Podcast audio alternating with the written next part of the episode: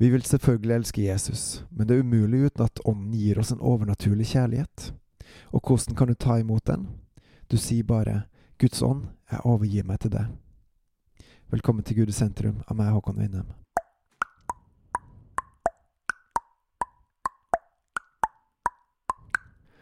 I dag så vil jeg lese opp litt eh, direkte fra nest siste kapittel i boka til Benny Hinn, 'God morgen, Hellige Ånd', hvor han løfter fram noen av Guds sannheter som er virkelig store og sanne.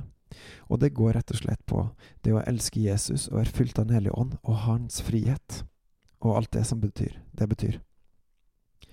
Det er sju ting i Romeren åtte som han løfter fram, og som jeg vil da dele med dere i dag. Sju åpenbaringer, som han kaller det, og han skriver.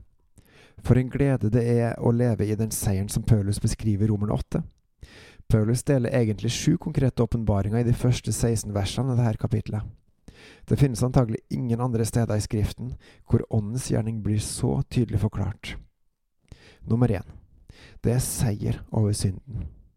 Den første åpenbaringa sier at eh, livets åndslov gir deg frihet fra synden og døden. Vers 1-2. Du vil få seier over synden. Nummer to. Han vil oppfylle loven. For det som var umulig for loven, fordi den var maktesløs på grunn av kjødet, det gjorde Gud, da han sendte sin egen sønn i syndig kjøds lignelse. For at lovens rettferdighet skulle bli oppfylt i oss, vi som ikke vandrer etter kjødet, men etter ånden. Så det er seier over synden.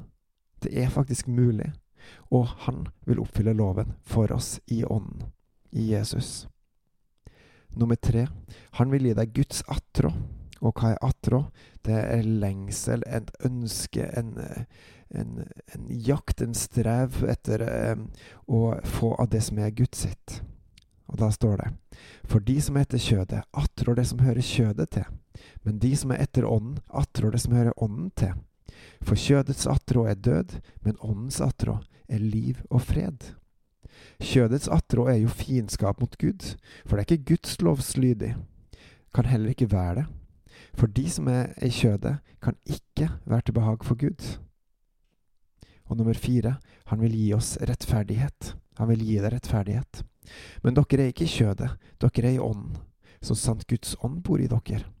Men om noen ikke har Kristi ånd, da hører han ikke Kristus til. Dersom Kristus bor i dere, da er nok legemet dødt på grunn av synd, men ånden er liv på grunn av rettferdighet. Så Gud, han vil gi deg en lengsel, et, et ønske, et, en indre motivasjon, en eh, jakt etter å få alt det som er av Han. Og Han vil gi deg sin rettferdighet. Fordi Ånden virker i oss. Nummer fem, han vil levendegjøre ditt legeme. Men dersom Hans ånd, som reiste Jesus opp fra de døde, bor i dere, da skal Han som reiste Kristus opp fra de døde, også levendegjøre deres dødelige legeme ved sin ånd, som bor i dere. Som det står i vers 11. Så hvis du følger i Den hellige ånds fotspor, vil du vandre i helse. Du vil få et levendegjort legeme, det som profeten Jesaja sier i kapittel 40. Men de som venter på Herren, får ny kraft. Min venn, du kan ikke få ny styrke uten ved Den hellige ånd, for det er Han som levendegjør ditt dødelige legeme. Nummer seks, han vil døde sjøllivet, som det står i 12-14. Derfor, brødre, skylder vi ikke kjødet noe, altså vi skulle leve etter kjødet. For dersom dere lever etter kjødet, da skal dere dø. Men dersom dere ved ånden døder legemets gjerninger, skal dere leve.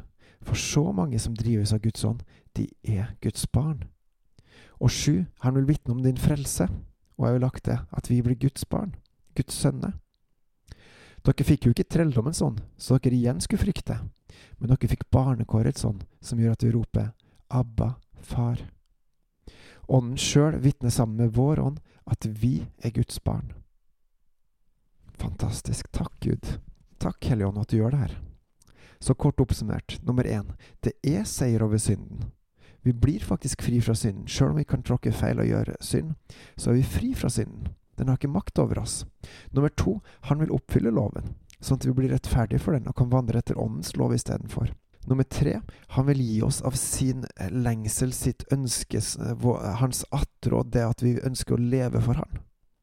Og nummer fire, han gir oss sin rettferdighet. Nummer fem, han levendegjør ditt, vårt legeme sånn at vi kan leve med Han. få ny kraft. Og nummer seks, han vil døde sjøllivet, det egoistiske sjøllivet som gjør til at vi bare attrår det som er for oss sjøl, men han gir oss Guds ånd, sånn at vi blir drevet av Han, og kan heller vandre etter det som er Hans vilje. Og nummer sju, han vil vitne om vår frelse, at vi er frelst, at vi er Hans sønner. I vers etter vers forteller Paulus at det er Ånden som gjør Faderens og Sønnens gjerninger, og jeg blir begeistra hver eneste gang jeg leser disse herlige ordene, for så mange som drives av Guds ånd, de er Guds barn. Vi vil selvfølgelig elske Jesus, men det er umulig uten at Ånden gir oss en overnaturlig kjærlighet. Og hvordan kan du ta imot den? Du sier bare Guds ånd, jeg overgir meg til deg. Hjelp meg. Gjør ditt verk. Jeg er villig. På gjenhør.